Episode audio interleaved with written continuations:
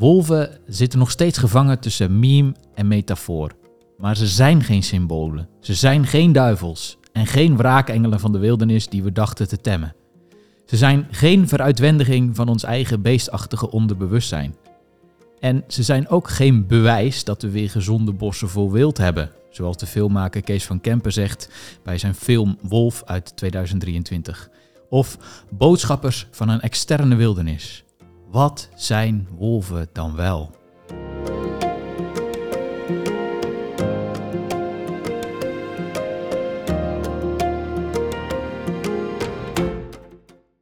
Hey, leuk dat je luistert naar Toekomst voor Natuur, aflevering 47. De podcast met spraakmakende verhalen over natuur en natuurbescherming in de Lage Landen. We kunnen er deze dagen niet omheen. De wolf is weer terug in de Lage Landen na heel veel jaren afwezigheid. En dat leidt tot heel veel reuring en debat. En de vraag is, wat leren wolven ons nou eigenlijk over de grens tussen natuur en cultuur? En hoe gaan wij als mensen om met die nieuwe roofdierwerkelijkheid? Ik ben Antoni Stip en in deze aflevering gaan we het over die vragen hebben. En dat doe ik met Christophe Smeijers. En Christophe is historicus aan de Katholieke Universiteit Leuven en auteur van het onlangs verschenen boek Wolf, Wildernisgeschiedenis. En dat doe ik ook met Glenn Lelyveld. En Glenn is projectleider bij de Zoogdiervereniging en coördinator van het Wolvenmeldpunt in Nederland. Christophe en Glenn, van harte welkom in Toekomst voor Natuur. Hallo. Dankjewel. Ik wil jullie om te beginnen even introduceren bij de luisteraars. Christophe, jij bent uh, historicus en uh, onlangs heb je dat boek Wolf gepubliceerd. Vorig jaar, in 2022, verscheen het boek Raaf van jouw hand. Zou je kunnen zeggen dat jij wel iets hebt met verguisde dieren? Je zou dat kunnen zeggen, ja. Je kan dat zeggen op het punt dat uh, de twee boeken eigenlijk verschenen zijn, want het was geen doordachte beslissing van mij om steeds dieren die consequent zwart gemaakt zijn in onze geschiedenis te gaan bestuderen. Uh, raven hadden voor mij een heel persoonlijke ja, betekenis, of er was een persoonlijke band met raven. En in mijn research naar raven kwamen steeds wolven opduiken. Uh, toen bleek de uitgever ook te vinden dat wolven een actueel genoeg uh, probleem zijn. Dat, zijn. dat waren zijn woorden, niet de mijne. Ja. Om, om een volgend boek aan te wijden. En inderdaad, het is opnieuw een verguisd dier. Al vond ik het verrassend uh, om te zien dat hij niet zo verguisd was doorheen onze westerse cultuurgeschiedenis als ik had verwacht. Oké, okay, wat had je... Best wat meer ambigu. Wat had je verwacht? Uh, wat we vandaag over wolven zeggen, of wat, wat uh, de, de luidste stemmen vandaag over wolven zeggen, dat het eigenlijk quasi demonische beesten zijn die we zo snel mogelijk weg willen. In Vlaanderen zegt men soms terug naar Polen sturen. Oh ja. Uh, dat bleek niet het geval. Nee. Nou, daar komen we zo nog wel even verder over te spreken. Uh, Glenn, jij werkt uh, voor de Zoogdiervereniging, onder andere als coördinator voor het wolvenmeldpunt. Wat betekenen wolven voor jou? Ja, een heel bijzonder dier. Uh, het is een dier, wat je net al zei, van waar ligt de grens tussen natuur en cultuur? Ja, dit is precies zo'n soort die daar een beetje maling aan heeft. een soort die enorme afstanden kan afleggen. Hè. Er zijn gewoon zwerftochten van wolven bekend van wel 2000 kilometer door Europa heen. Um, en het doet wat met mensen. Ik vind het juist een beetje leuker worden uh, wanneer er wat, wat, wat, een beetje schuring is. Wanneer je eens een keer een goed gesprek over moet hebben van waar hebben we het nou eigenlijk over. Ja. En dat heb je met een wolf toch wat meer uh, dan met een, uh, een muis. Ja, dat, zo zou je dat kunnen zeggen. Nou ja, er zijn ook wel andere soorten waar, waar, het, waar het wel gaat schuren. Maar de wolf spreekt dan wel ook uh, tot de verbeelding. Daar heb je gelijk in. Uh, ik vraag in deze podcast aan al mijn gasten, dus ook aan jullie. Neem ons eens even mee naar je favoriete natuur. Wat zien we, horen we, ruiken? Hoe worden we onze zinnen geprikkeld als we met jullie in je favoriete natuur lopen? Uh, dat vond ik een behoorlijk moeilijke vraag. Ik ben denk ik een, een, een wind, water en mos persoon. Ik ben graag dicht bij kleine dingen in de natuur. Dus de, de vingertjes van mos, het water dat over stenen klatert, dat soort dingen geeft mij heel veel rust. En het, het scherpt ook mijn zintuigen aan. Uh, dus dat was eigenlijk het eerste ideaalbeeld dat me voor ogen kwam. Ook omdat het alle zintuigen tegelijk aanspreekt. Hè. Je moet dichtbij genoeg zijn, dus je ruikt automatisch. Je, je begint stenen te ruiken. Ja. Ja, mooi. Dieren komen daar niet meteen in voor in dat beeld, bedenk ik me nu. Maar dat is ook prima. het, uh... En hoe is dat voor, voor jou, Glenn? Ja, ik ben opgegroeid in Brabant, uh, tussen de bossen. Dus voor mij is heel, ook dat, dat, dat beeld van vroeger, uh, lekker wandelen in, in mooi gevarieerd bos, Hè, lekkere boslucht in, in de herfst bijvoorbeeld met alle mooie kleuren, maar ook in de zomer. En hè, dat je daar loopt en opeens een ree op een pad ziet staan. Ehm, ja, dat, dat soort dingen, dat is toch wel voor mij het magische moment. Ja, en ook die onverwachte ontmoetingen dan, eh, die je dan hebt. Ja, zeker, dat hoort er zeker bij. Eh, hè, de meeste bossen zijn behoorlijk leeg. Ik woon dan nu naast de Veluwe, daar kom je wat vaker iets tegen. Ja, dat is elke keer weer bijzonder. Ja, ja, mooi. We gaan nu eens even induiken in dat, eh, dat thema van wolven. En om te beginnen maar eens even, Glenn, eh, hoe staat het nu voor met wolven in de lage landen? Ja, het gaat best wel hard. Ehm, hè, de laatste tijd hebben we gewoon gezien dat de wolven echt zijn teruggekeerd naar de lage landen. In 2018 in Nederland en 2019 in, in Vlaanderen. Of, of 2017 al in Vlaanderen met wolven in Naya, die vanuit Nederland kwam. Ja, sindsdien is het ontzettend hard gegaan. In Nederland met name ehm, zie je dat wij nu negen wolvenroedels hebben. En op de uh, Utrechtse Heuvelrug lopen ook nog twee solitaire wolven rond. In Vlaanderen is het iets, iets trager gegaan. Ze waren wel eerder met territoriale wolven, of in Naja, die dus uit Nederland kwam, 2017. Uh, maar wat je ziet is dat uh, het lange tijd bij één roedel is gebleven. Er waren wel veel jongen, één jaar zelfs elf welpen. Kijk. Enorm. Uh, zelfs voor Europa is dat behoorlijk veel. Maar wat je ziet met de Vlaamse roedel met name is dat de overleving van de jongen ontzettend laag is. Ze, zwerven wel uit, maar ook soms al wanneer ze nog in het territorium zijn, worden ze um, overreden door, aangereden door auto's. En dat is toch wel een behoorlijk remmend effect wat je uh, behoorlijk in Vlaanderen ziet gebeuren. In Nederland komt het ook voor, ook met jonge welpen. Maar dan zie je toch wat meer dat ze makkelijker door het landschap lijken te kunnen bewegen. Um, en daardoor uh, beter kunnen verspreiden in Nederland. En komt dat door het toch wel, nou, wordt in ieder geval vaak gezegd, het dichte wegennet in Vlaanderen, dat, dat die kans op uh, aanrijding wat groter is? Of? Ik denk een combinatie van factoren. Natuurlijk, een dicht wegennet uh, speelt mee, maar ook hoe zijn de wegen ingericht? Um, in Nederland wordt veel aandacht besteed aan um, verkeersveiligheid door juist wegen waar uh, veel verkeer over rijdt. En dat is in Nederland nogal snel. Om goed uit te rasteren, maar ook met ontsnipperende maatregelen voor te zorgen dat het wild wel veilig de weg over kan gaan. In Vlaanderen zijn er ook mooie voorbeelden van. Um, maar het zijn er nog niet heel veel. En zeker ook de, de provinciale weg waar het om gaat bij midden in het territorium van de Vlaamse wolvenroedel. Beide kanten oefenterrein van Defensie, rustige gebieden. Provinciale weg wordt ontzettend hard gereden. En je hebt gewoon een gelijkvloerse oversteekplaats voor het wild. Ja, dat is niet altijd handig. Nee, dat snap ik. We moeten denk ik op dit punt ook wel even een streep zetten onder het feit dat uh, wolven op eigen kracht in de lage landen zijn gekomen. Er gaan nogal wat uh, praatjes rond, uh, wat mythes, maar ze hebben dat echt zelf gedaan. Ja, dat klopt. Um, heel eerlijk gezegd, ik, ik, heb zelf nog nooit een wolf in Nederland in het wild gezien, wel in het buitenland. Griekenland laatst nog, ontzettend leuk. Um, maar het is ontzettend moeilijk om in de buurt van een wolf te komen bewust wanneer je dat opzoekt. Uh, laat staan een wolf te vangen. Het is echt de meest moeilijke zoogdier van Europa om te vangen. Zelfs beren en lynx zijn nog veel makkelijker dan wolven. Wolf kun je niet vangen met een inloopval of wat dan ook. Er zijn echt hele specialistische methoden voor. En eigenlijk alles wat je doet, ze ruiken al dat de mens erbij betrokken is en dan haken ze al af. Kijk. Dus dat is ontzettend moeilijk. En ja, heel eerlijk gezegd, uh, hè, ik heb een hond, ik heb mijn hond nu ook mee. Um, ze hebben vier poten en die doen het prima. Die doen het heel erg goed zelfs. Ja. Uh, ze kunnen echt enorme afstanden afleggen. En wat ik net al aangaf van zo'n wolf die op een zwerftocht 2000 kilometer heeft afgelegd. Ja, dat is dus omdat er af en toe bij onderzoek wel een wolf gevangen wordt. Je kunt nooit van tevoren weten welke wolf je vangt. Nou, dit was dan toevallig een jaar oude wolf in de oosten uh, van Duitsland. Daar hebben ze een GPS-zender, een halsband omgedaan met GPS-zender. En die is vervolgens doorgelopen tot diep in Wit-Rusland, waar ze daarna de wolf kwijtraakten, want het gsm-abonnement in de halsbandzender had geen abonnement voor Wit-Rusland. Kijk, ja. Het is wel interessant, vond ik, om, om die, die complottheorieën, want dat zijn ze in essentie wel historisch terug te gaan traceren. Maar je ziet dat er wortels zijn die toch terugreiken tot eigenlijk de, de, ja, de tweede helft van de 20e eeuw al. Um, en dat die theorieën ook over heel Europa opduiken.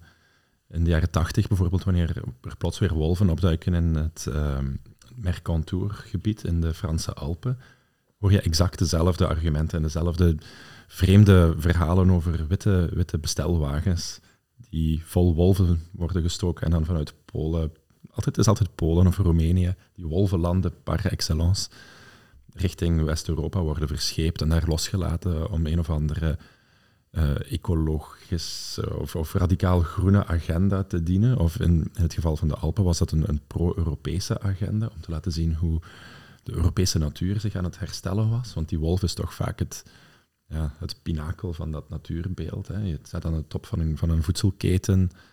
Uh, het is een heel iconisch dier, zoals je daarnet ook al zei. Dus het is politiek ook wel interessant om daarmee te kunnen uitpakken als je een politiek aan het, of een beleid aan het voeren bent van uh, natuurherstel, denk ik. En, en dat werd in die complottheorieën steeds aangegrepen en nog steeds, denk ik, voor een stuk om ja, er allemaal uh, donkere motieven achter te gaan zoeken. Ik blijf het ook wel bijzonder vinden, want ik kom deze berichten heel veel tegen in mijn werk. Um, ik blijf het altijd bijzonder vinden, dat, dat, dat stukje van breng ze dan naar Polen of breng ze naar Roemenië, alsof dat daar niemand woont. Mhm. Eh, daar wonen ook mensen, daar zijn ook boeren, daar is het bestaan in de regel moeilijker dan in de lage landen. We, met al onze welvaart en kennis zouden wij juist bij uitstek het land moeten zijn die de handschoenen oppakken en zeggen van eh, wij laten zien dat het wel kan. Maar dan krijg je toch argumenten van ja, het hoort hier niet. Um, of dat dan in, bij diegene gewoon mentaal niet past in hoe die het landschap ziet. Dat verwacht ik dan meer. Ja, die wolf die komt dus met zijn vier poten zelf naar Nederland toe en, en is hier. Ja, die wolf vindt het kennelijk prima. En, en wie zijn wij dan om daar heel veel mening over te hebben? Wij volgen hè, vanuit Zoogdiervereniging wat die wolf doet en dat is fascinerend. Maar niemand stuurt daarin. Ik zou niet eens weten hoe ik moet sturen. En als ik dat zou kunnen, Heel eerlijk gezegd, dan had ik de eerste wolven naar de Plas gestuurd en niet naar de Veluwe. Want? Nou ja, daar hebben we jaren met discussies gehad van uh, te veel herten, te veel runderen, te veel paarden. En dat er uh, dat, dat beheer van de natuur losgelaten kon worden, dat werd juist in de Plas gedaan.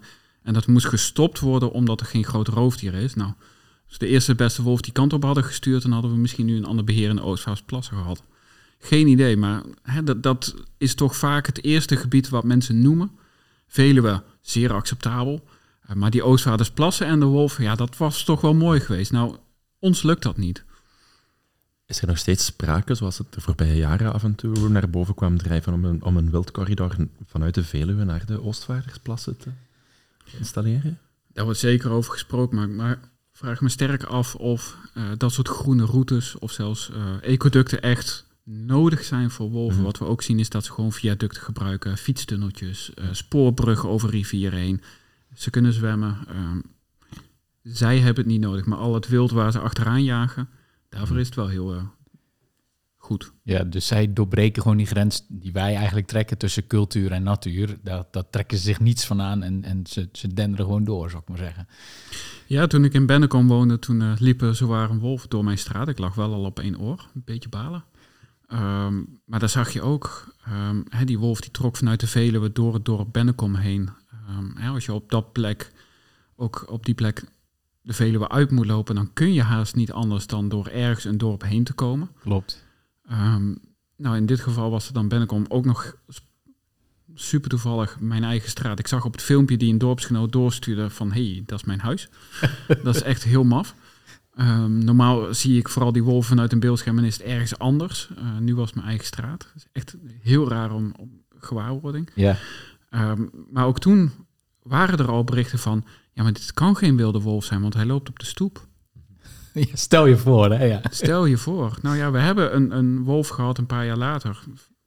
Ehm, die daadwerkelijk bij Beuningen naast Nijmegen ook weer door het, het centrum liep. Nou, die heeft daadwerkelijk gepoept op de stoep in het centrum van Beuningen. Die drol is verzameld door mijn teamleider Maurice Lahey. Die is geanalyseerd, die is opgestuurd en er kwam gewoon wolf uit. Ja, Dus we hebben stoeppoepende wolven in het centrum van onze dorpen. Ja, ik, als dat niet genoeg teken is dat, dat die wolven ons landschap prima interessant vinden. Wij zelf, onze menselijke activiteit, die vermijden ze. Uh, maar de menselijke omgeving niet per se. Nee.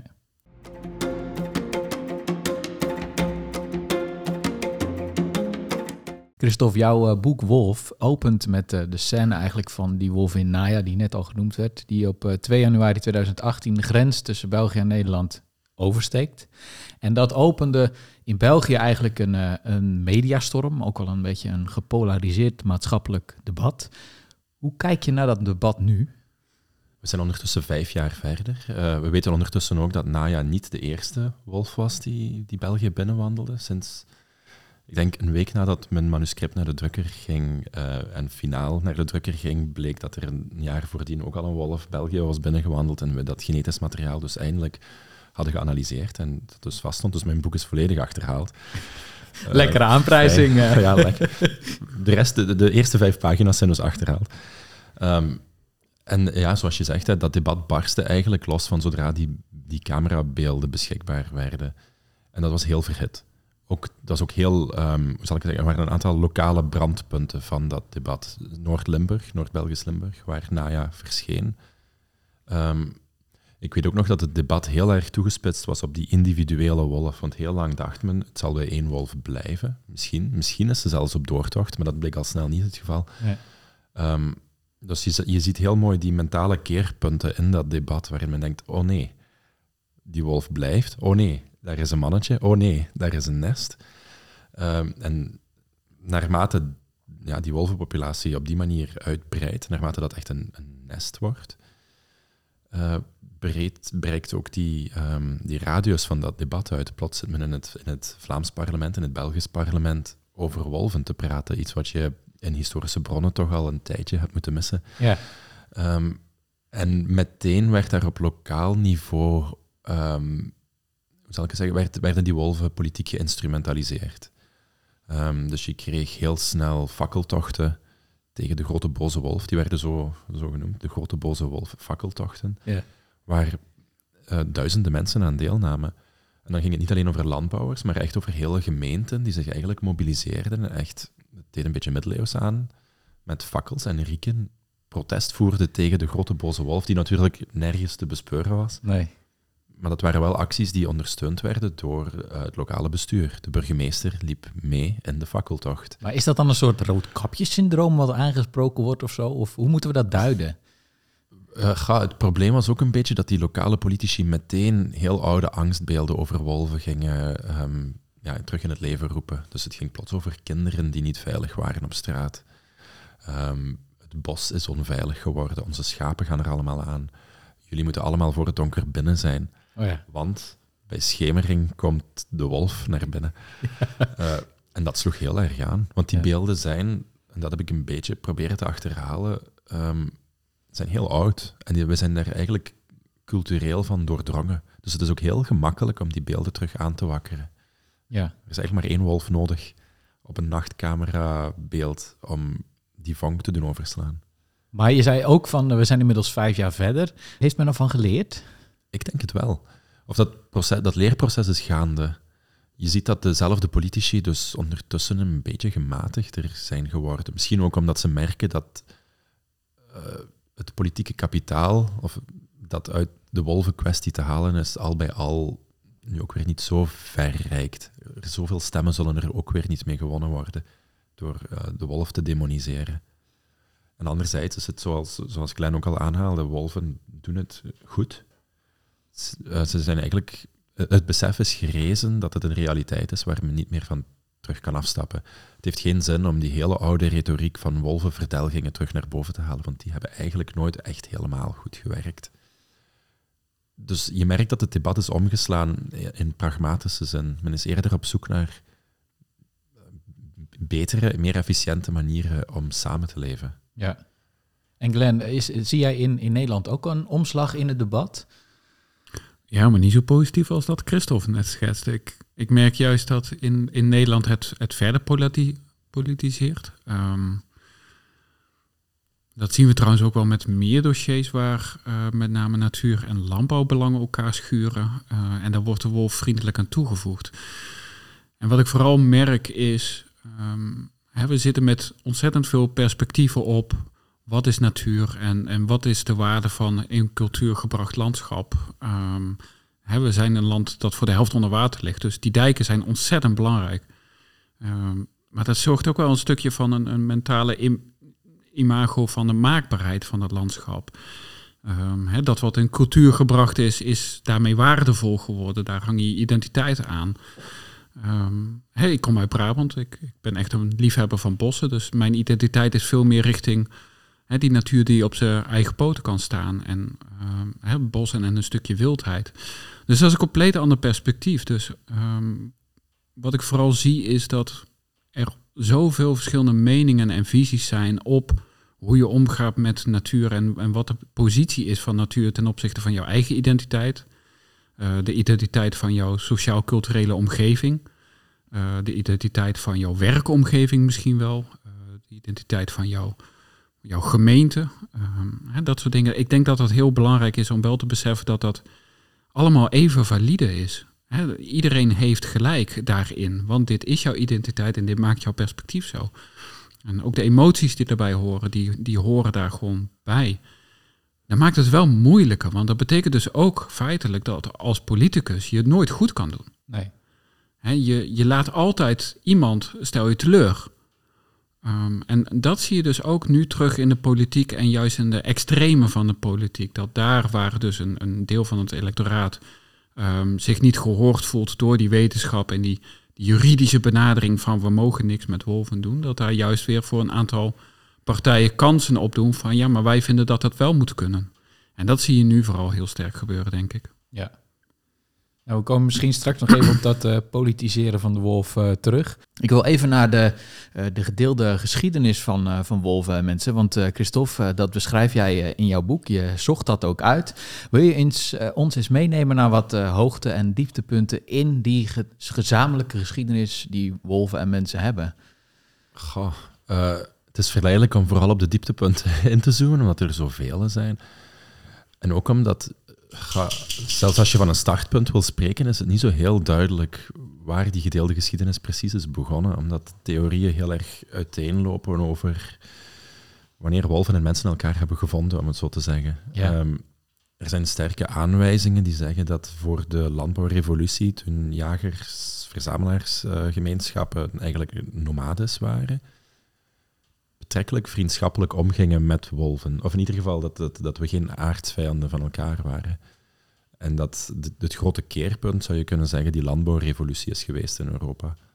Um, en ja, in het Midden-Oosten ook wel. Eigenlijk een beetje over, overal waar landbouw op een bepaald moment de voedselproductie is gaan bepalen, is die relatie heel snel gekanteld. Van zodra we eigenlijk die grens, zoals je zelf zei, tussen cultuur en natuur zijn gaan proberen vastleggen, letterlijk met, met hekken rond weiden, maar ook door ons te vestigen op één plek en dat ons territorium te noemen, zonder al te veel um, uh, ja, recht te doen aan wat andere diersoorten als territorium beschouwen, zie je een vijandschap dat al heel snel een erfvijandschap wordt. Dus dat is eigenlijk een, een, een eerste grote keerpunt. En dat is ook het moment waarop wolven voor het eerst echt gaan worden gedemoniseerd. En dan worden ze ook beladen met allerlei symbolische betekenissen die vaak doen terugdenken aan, of die vaak gelinkt zijn aan uh, de duivel, aan het occulte. Wolven krijgen plots allerlei bovennatuurlijke krachten toegekend. Het is ook het moment waarop die reputatie verslechtert, om, omdat men hen ja, mensendoders gaat noemen. Dat is een, een, een, connotatie die vandaag de dag ook nog steeds deel uitmaakt van die vonk om, om mensen angst te doen aanjagen. Ja. En die je doorheen de geschiedenis wel, als je het over dieptepunten wil hebben, er zijn inderdaad momenten in onze West-Europese geschiedenis waarin uh, wolven mensen hebben aangevallen. Maar die omstandigheden zijn steeds zo extreem geweest dat ze heel moeilijk te projecteren zijn op, onze, op, onze, ja, op ons heden of op onze toekomst. Het gaat dan echt over wat men vroeger wolvenwinters noemde, bijvoorbeeld. Winters die zo lang duurden en zo guur waren dat wolven gedwongen werden om om te overleven, om het bos te verlaten en eigenlijk bepaalde kommen te gaan opzoeken. Uh, andere extreme omstandigheden hier in onze contraien ook zijn steeds oorlog geweest. Um, de godsdienstoorlogen van de 16e, 17e eeuw hier in de lage landen, die hebben ook wat buiten de bebouwde kom, buiten mensengemeenschappen aan, aan landschap te zien was, eigenlijk volledig verruineerd waardoor voor wolven weinig overlevingskansen waren zonder zich in dorpen te gaan wagen en eigenlijk ja, mensen als prooi te zoeken. dus ja, je, die reputatie van mensendoder vind ik persoonlijk een, een dieptepunt, omdat ze eigenlijk gebaseerd is op heel extreme casussen, maar wel heel erg veralgemeend is geworden.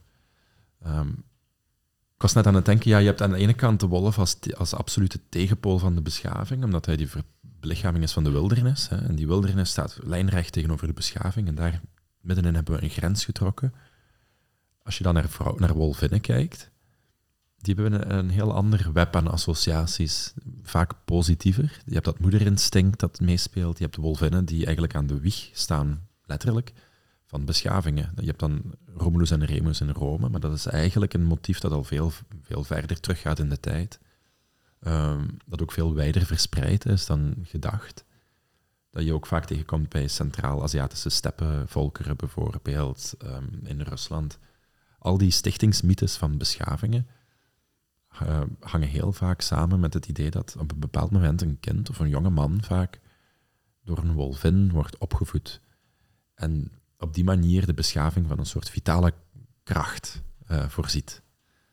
Dus dat is een heel positieve invulling eigenlijk van wat een wolf kan betekenen voor de maatschappij. En dat is ook iets wat in de 19e eeuw bijvoorbeeld door uh, romantische schrijvers en natuurschrijvers heel erg werd geapprecieerd.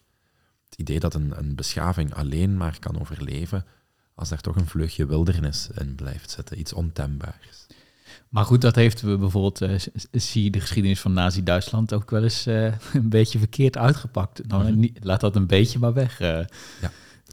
Maar de, ja, de, de bron van die associatie is wel dezelfde. Ja. Het kan natuurlijk helemaal ontsporen. Ja. Um, je ziet heel, in heel die Germaanse verhalentraditie inderdaad heel erg, um, en dan keren we echt terug tot de oudheid, connotaties met, met, uh, tussen wolven en krijgersmentaliteiten en de verheerlijking van de jonge man als wolf. Dat is ook iets wat vandaag nog steeds in extreemrechtse middens heel populair is. Ja.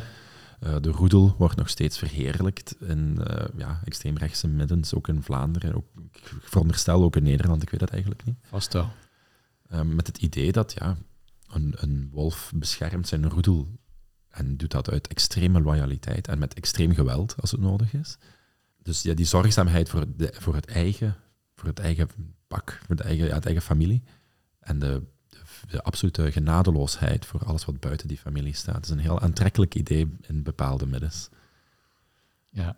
Dat past ook binnen dat hele idee van, het foutieve idee dat een roedel bestaat uit een alfa-koppeltje aan, aan, um, aan, aan de leiding, zou je kunnen zeggen. Hè? Maar dat klopt niet, hè? want dat beschrijf jij ook in je boek, toch? Dat is een, een uh, ja, dat is een observatie geweest in de, in de 20e eeuw, met de 20e eeuw, van um, wetenschappers die eigenlijk wolven bestudeerden in gevangenschap, waar die sociale eh, ladder van een wolvensamenleving eigenlijk volledig anders is dan wat men in de wildernis tegenkwam. Uh, die auteurs hebben daar zelf ook heel vergeefs eigenlijk geprobeerd om hun eigen ideeën achteraf terug te trekken. En dat lukt niet, want zo'n idee slaat natuurlijk heel erg aan. Ja. Ja, toen was het al, uh, toen was het al gebeurd. Ja, precies. Ja. Ja, ja. En zie je het dan maar eens om te draaien. Dus ik krijg een beetje zo'n parallel hebben we in het landbouw... Ja, ander haakje maar in het landbouwbeleid hebben we natuurlijk... In Europa heb je Sikkel Mansholt gehad. Uh, die uh, op een gegeven moment in de jaren tachtig ook spijt had van zijn eigen, eigen aanpak. En, en daar ook ja, veel over naar buiten is getreden dat het helemaal misliep. Maar het was te laat. ja, dat, dat zien we dus vaker.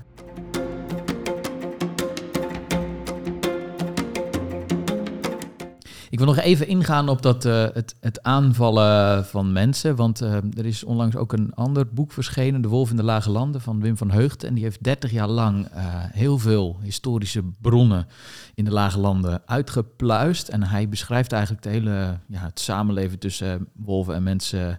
En ook de, de, momenten dat het verkeerd ging, zeg maar. En hij inderdaad noemt een aantal van die aanvallen in de 16e, 17e eeuw. jij schetste net al de, de combinatie met, met uh, wolvenwinters, zeg maar. Heel eindeloze koude winters. Um, er zijn ook wat iets recentere gevallen bekend. En de meest bekende is een, een, serie wolvenaanvallen in 1810, 1811. Overigens niet in de winter over het algemeen, maar voornamelijk in de zomer. In Midden-Limburg, die uiteindelijk aan elf uh, kinderen het leven heeft gekost. Er zijn ook, uh, hij noemt ook gewoon echt de namen in dat boek. Je kunt het helemaal, helemaal nalezen. dus vrij goed gedocumenteerd. En Glenn, wat ik, wat ik jou daarbij wil vragen is van... Um, is dat nou het schrikbeeld van een wolvenkenner, hè? Zulke, aanvallen? Nee, helemaal niet. Het is gedocumenteerd zoals het toen is opgeschreven. En dat maakt het een historisch feit. Kijk, ik, niemand van ons is erbij geweest. Ik weet niet wat de omstandigheden zijn. Uh, er is wel heel veel onderzoek gedaan, Europa breed, naar wat voor oorzaken veroorzaakt nou zo'n aanval van een wolf op een mens. En er zijn verschillende categorieën voor. Ik weet niet welke van die omstandigheden daar aanwezig zijn geweest. Of het echt agressie is van een wolvenroedel. Is het een individuele wolf geweest die iets in zijn verleden heeft meegemaakt en daardoor iets heeft meegemaakt? Uh, rabies, hondsdolheid, kan natuurlijk allerlei vreselijke dingen doen. Die, dat is een virus wat echt de hersenfuncties van wolven overneemt en eigenlijk het bijtinstinct nog tien keer erger maakt. Um, en de angst laat, doet afnemen. Um, we zien ook heel veel gevallen, zeker in oorlogstijden, eigenlijk niet zozeer dat er zoveel mensen uh, op elkaar staan in te haken is een probleem. Maar in oorlogstijd is er vaak gebrek aan voedsel voor mensen. En dat is ook in die hele lange strenge winters is er gewoon beperkt voedsel aanwezig. En wat je dan ziet is dat eigenlijk iedereen die voor zijn uh, overleving afhankelijk is van het wild uit de natuur. Dus opeens in die winter wordt al het wild weggejaagd door mensen. En ook in oorlogstijd, wanneer er voedselnood is, zie je hetzelfde gebeuren. Heb je daar roofdieren? Ja, die zitten dan daarmee in, diezelfde, in datzelfde schuitje, in die voedselnood. En dan krijg je dus hele bijzonder nare uh, situaties. Maar goed, die moet je wel serieus nemen. Het is gebeurd, we weten het. Uh, en het hoorde er toen bij. Maar wat Christophe uh, terecht aangeeft is... in het huidige systeem en in de hopelijk de toekomst... gaan we dit niet meer meemaken ook dat kinderen met de volledige schaapskuddes de hei op werden gestuurd. Uh, dat, dat je meisjes van acht met één stok en één hond uh, de, de, ja. de schapen moet gaan beschermen tegen een wolvenroedel waar het wild op is. Ja, dat, dat, dat gaan we niet meer nog een keer doen, nee. mag ik hopen. Nee, dat, nou ja, dat weet je natuurlijk niet, maar daar gaan we in ieder geval niet van uit. Dat onze beschaving zeg maar weer naar dat niveau terug gaat. Ik noemde in de inleiding al even de vraag van wat leren wolven ons uh, tussen, tussen cultuur en, en natuur. Het is misschien wel een goed moment om, om zeg maar eens even af te tasten wat wolven ons inderdaad daarvan leren. Vanuit een historisch perspectief valt het me steeds op dat wolven net die grens helemaal gaan ja, zal ik zeggen, ze vegen er hun poten aan. Hè. Ze respecteren die. Ik heb, ik heb net met een politicus gepraat die zei: ze hebben lak aan onze normen en waarden. En ik dacht: oké, ja, wat had je verwacht? Uh, en dat is eigenlijk iets wat steeds terugkeert. Natuurlijk heeft het geen zin om te, om te zeggen tegen de wolf: hier ligt wel onze grens tussen cultuur en natuur. Kun je ja. alsjeblieft aan de ene kant blijven? Um, maar het is wel iets wat eigenlijk eeuwenlang... We zijn eigenlijk al eeuwenlang op dezelfde hamer, of met, op dezelfde nagel aan het hameren. En te zeggen, wolven, jullie zijn wilde dieren, hou jullie aan die kant van de lijn die wij hebben getrokken in, het, ja, in de modder. Um, dat lukt steeds niet, natuurlijk. Um, en dat is ook de reden, een van de voornaamste redenen volgens mij geweest, dat we zo intensief zijn gaan proberen te verdelgen. Het, gaat, het is niet alleen, het was zeker in de 18e en 19e eeuw geen existentiële dreiging meer, die wolvengemeenschap. Ook omdat die vanzelf al waren afgeslankt Um, er waren een aantal heel epidemische ziektes onder wolvengemeenschappen in de 18e eeuw in West-Europa. Um, en sowieso had de mens eigenlijk het landschap al aangepast naar zijn hand, had eigenlijk uh, een industrialisering doorgemaakt, was eigenlijk niet echt meer te vinden in dat bos. En toch bleven wij heel intensief die dieren proberen te verdelgen. En dat doen we volgens mij omdat we met die angstbeelden zaten en met dat beeld van dat beest toont geen respect. En dat is heel ambetant. En daar moeten we toch wel eens iets aan gaan doen. En je ziet dat ook in, in België, is er bijvoorbeeld de mythe van de laatste wolf. In 1844 schiet onze, onze eerste koning, koning Leopold I, zogezegd de laatste, wol, de laatste twee wolven, het was een koppel, dood op Valentijnsdag. En uh, dat wordt echt, dat, dat, die anekdote, ook al is ze heel waarschijnlijk bij elkaar gefabriceerd door de koning zelf. Wordt heel breed uitgesponnen in de media, maar ook, in ook door theatergezelschappen die daar reenactments van maken, als een gevecht tussen beschaving en wildernis.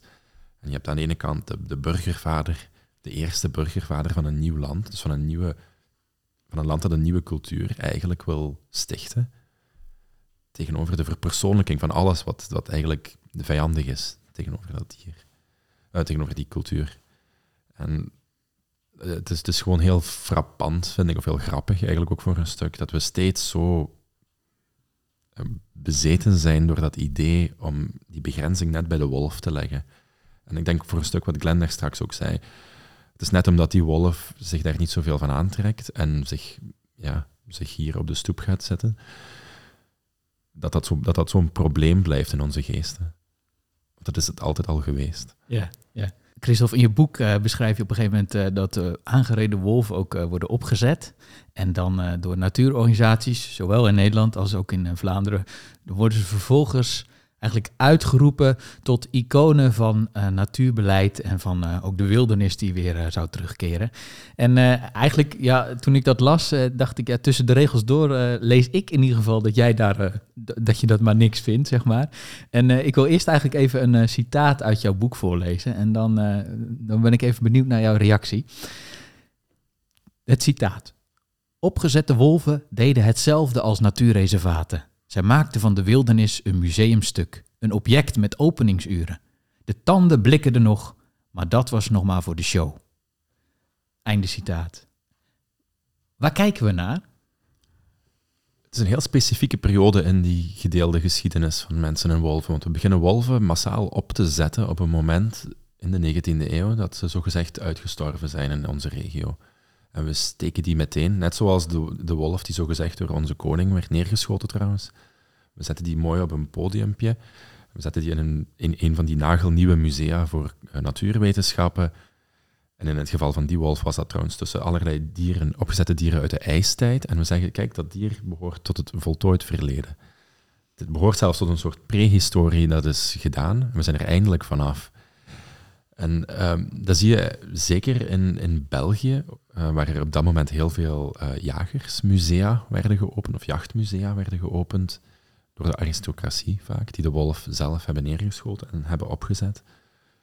En het idee is steeds, we hebben gewonnen. Net zoals ik daarnet al zei, in die reenactments tussen koning en wolf, we ja. hebben, de beschaving heeft de wildernis verslaan, daar is het resultaat. En we hebben dat dier eigenlijk, het is een dubbele verknechting, denk ik dat ik het ook ergens noem. Omdat je, je schiet het ene, aan de ene kant schiet je dood en je maakt het eigenlijk voor een stuk nog eens extra tam door de ogen te vervangen, door er een aantal knikkers in te steken. Ja.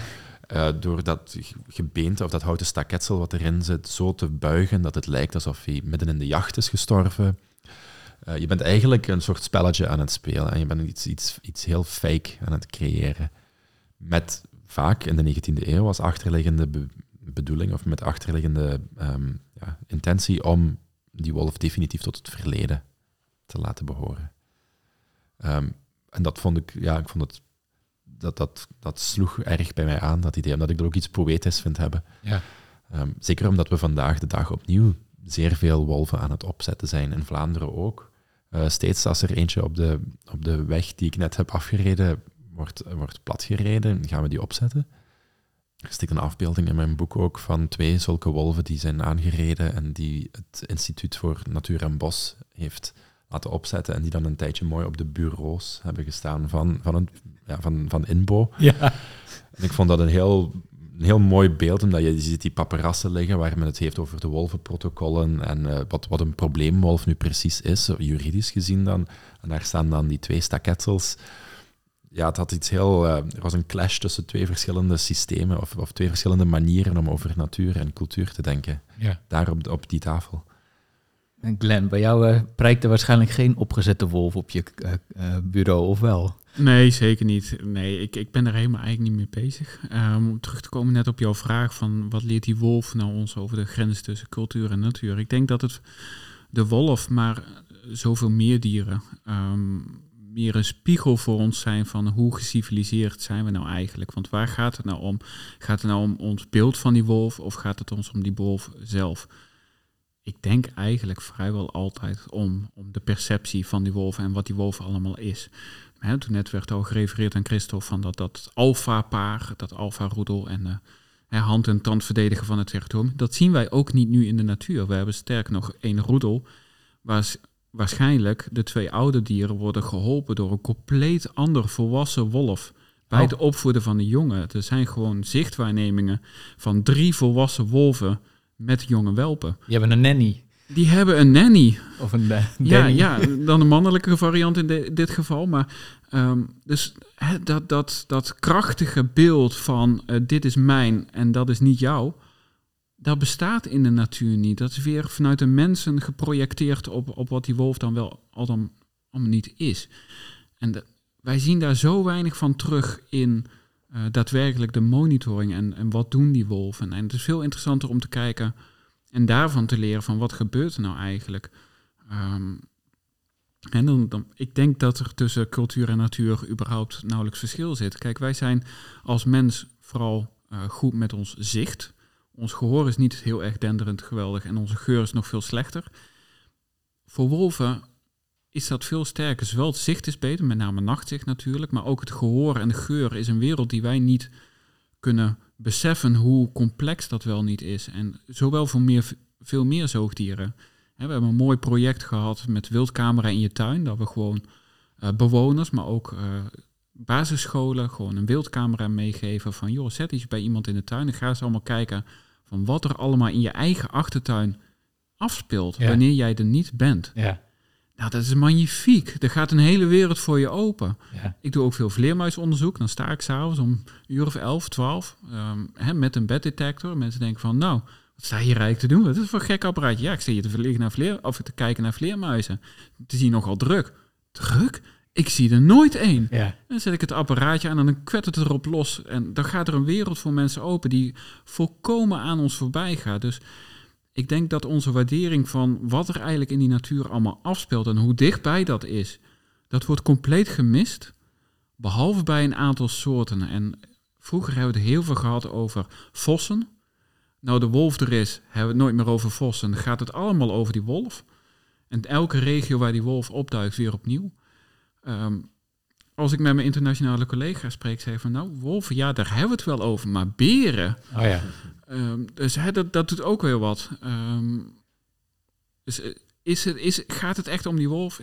Ik denk het niet. Het gaat om onze, onze beelden en onze percepties erbij. Uh. Ik heb ook een boek meegebracht en dat is misschien al een spoiler voor straks, maar um, het, het, boek heet The Second Body door Daisy Hildyard en zij geeft een heel mooi treffende vergelijking aan, vond ik, over waar die, die grens tussen cultuur en natuur, die wij zo vereren, eigenlijk helemaal verbrokkelt als je gewoon op een andere manier naar dingen gaat kijken. Want ze vergelijkt dan, um, ik denk op een zaterdagmiddag op een straat in Londen is een, een meubilairwinkel en mensen gaan naar binnen. Zij kiezen heel voorzichtig welke dingen ze mee willen nemen om in hun slaapkamer, om hun slaapkamer mee in te richten. En ze vergelijkt dat eigenlijk met de manier waarop dassen allerlei takken en, en weet ik veel wat naar hun burcht verslepen en daar eigenlijk ook het, het hunne van willen maken. Ja. En ze zegt, eigenlijk zijn we net hetzelfde aan het doen. Ja. Dus de manier waarop we daar naar kijken is volledig anders. Fascinerend. Ja. Ik vond dat, dat, dat uh, die perspectiefwissel vond ik een heel aangename manier om anders naar onszelf te beginnen kijken ook. Ja, je hebt het boek een wildernisgeschiedenis ook genoemd, maar het is misschien ook wel gewoon een mensengeschiedenis. Ik denk het wel, ja. Ja. We zeggen wel, we zeggen, of biologen zeggen vaak met enige terughoudendheid wel over sommige diersoorten dat, we daar een, dat, we, dat ze een cultuur hebben. Dat is, dat is omstreden in veel gevallen, maar je kan ook zeggen dat wij gewoon deel uitmaken van die natuur natuurlijk. We, zijn er, we hebben onszelf daarbuiten geplaatst, maar Ja. dat is uiteindelijk ook maar ja, een beeld van onszelf dat we hebben gecreëerd. Ja, ja. We zijn nog steeds niet zo verschillend van die dassen die een burcht willen inrichten. Nee. Dat is wel een heel mooi beeld. eh, Die houden we er even in.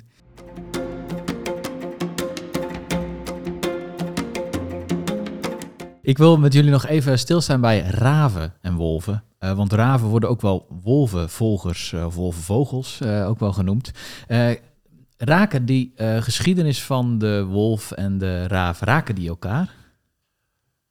Ja, zeker in de beeldvorming opnieuw. Hè. Dus de associaties die ermee werden opgeroepen, dat, dat wat ik daar straks ook al zei, dat, dat occulte, dat duivelse, dat bovennatuurlijke, daar zie je dat ze eigenlijk elkaars broeders zijn. Ehm, het zijn dieren die heel erg geassocieerd werden doorheen de geschiedenis met hekserij, bijvoorbeeld. Ehm, je ziet dat iemand die eh, dicht bij een ravennest woonde en beschuldigd werd van hekserij misschien ook wel eens een weerwolf zou kunnen zijn. Dat soort dingen. Ah ja. Dus die twee dieren zijn doorheen de geschiedenis wel op de een of andere manier steeds met elkaar in verband gaan staan. Maar je ziet dat ook heel concreet natuurlijk. Ehm, raven en, en wolven jagen samen, jagen samen is misschien de verkeerde manier om het te beschrijven, maar zij leren van elkaars gedrag wel waar, waar er eten te halen valt. Ja, want dat, ik vond het ook wel fascinerend. Uh, er is uh, nog niet zo heel lang geleden bij ARK uh, onderzoek gedaan door iemand, Gijs Hekkert. En die heeft gekeken naar de overlap in activiteit tussen wolven en raven. En hij gebruikte de gegevens van negen gezenderde raven in Nederland. En de database van wolvenwaarnemingen die bij 12, dat is de samenwerking van provincies in Nederland uh, die hij bijhoudt. En uh, uit zijn onderzoek uh, komt, en dat is natuurlijk maar een getal, maar komt naar voren dat de activiteit van wolven en raven over de dag heen, zeg maar, voor 44% overlapt. En ik was eigenlijk wel nieuwsgierig, Glenn, um, weet jij of het ook echt bij ons voorkomt dat raven en wolven soort van samen optrekken? Wordt dat wel eens gezien?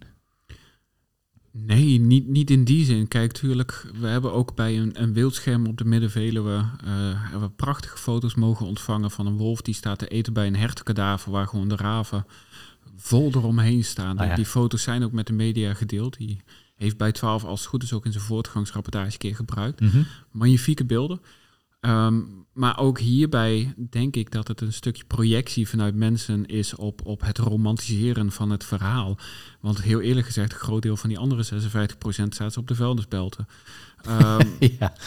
Dus ja, weet je, dat, dat zeggen we er dan niet bij. Dat is dan niet zo romantisch, om het zo te noemen. Dus um, ja, Wolf en Raaf hebben een relatie. Wolf is een aasleverancier en Raaf bij uitstek zijn een, een aaseter. Dus er is een verband, uh, maar die volgen vooral in volgorde van tijd.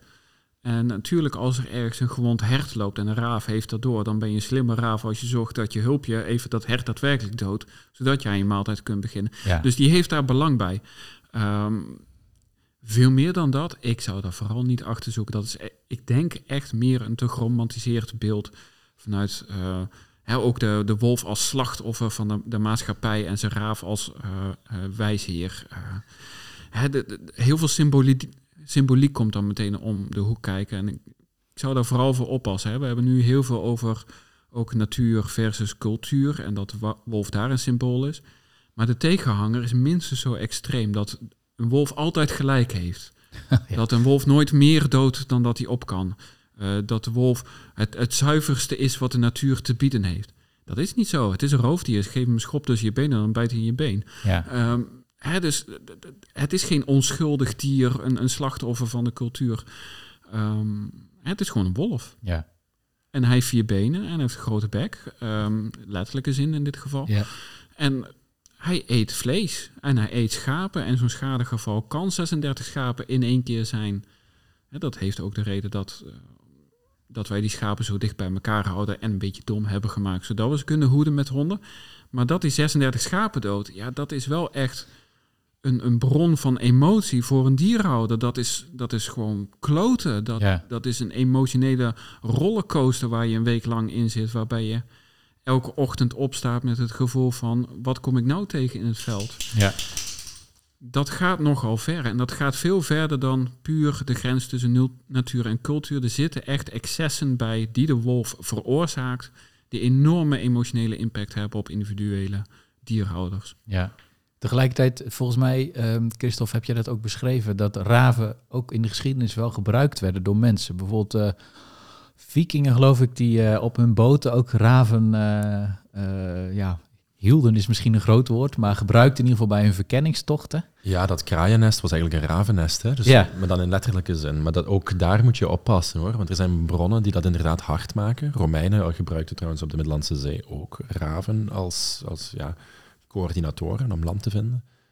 Maar dat was ook snel geromantiseerd. Het idee dat, dat een, een verloren gevaren viking op weg naar IJsland, of uh, ja, alleen dankzij de, de, de goddelijke voorzienigheid van drie raven, uh, land vindt en, en meteen nieuw land vindt en een nieuwe kolonie voor de vikings, dat is, dat is een quasi-bijbels verhaal. Hè? Je moet daar, ja. moet daar heel erg mee opletten. Maar het is heel mooi moet ook denken aan die romantisering van raven en wolven en mensen zelfs. Dat er een, een bekende ornitholoog uit de 20e eeuw, Bernd Heinrich, die bij het schrijven ook trouwens raven had rondvliegen in zijn bureau, de hypothese had dat voor de landbouwrevolutie eh, er een soort van Hof van Ede bestond, waarin mensen wolven en raven in perfecte harmonie samenleefden. Uh, omdat ja, zij, zij hielpen elkaar. Hè? Ja. Die was daarvan overtuigd hoor. Maar, maar dat is helemaal niet op, hard te maken. Ik wou zeggen, Ja, niet op basis van bewijs. Nee, nee, dat was gewoon zijn... Ja, hij zat in die kamer met die raaf die waarschijnlijk de hele tijd zijn papieren in de war zat te brengen. en die man droomde een beetje van een soort harmonieus pre-landbouwbestaan waar misschien, waar, waarin hij ook een toekomst zag voor ons allemaal. Ja, oké.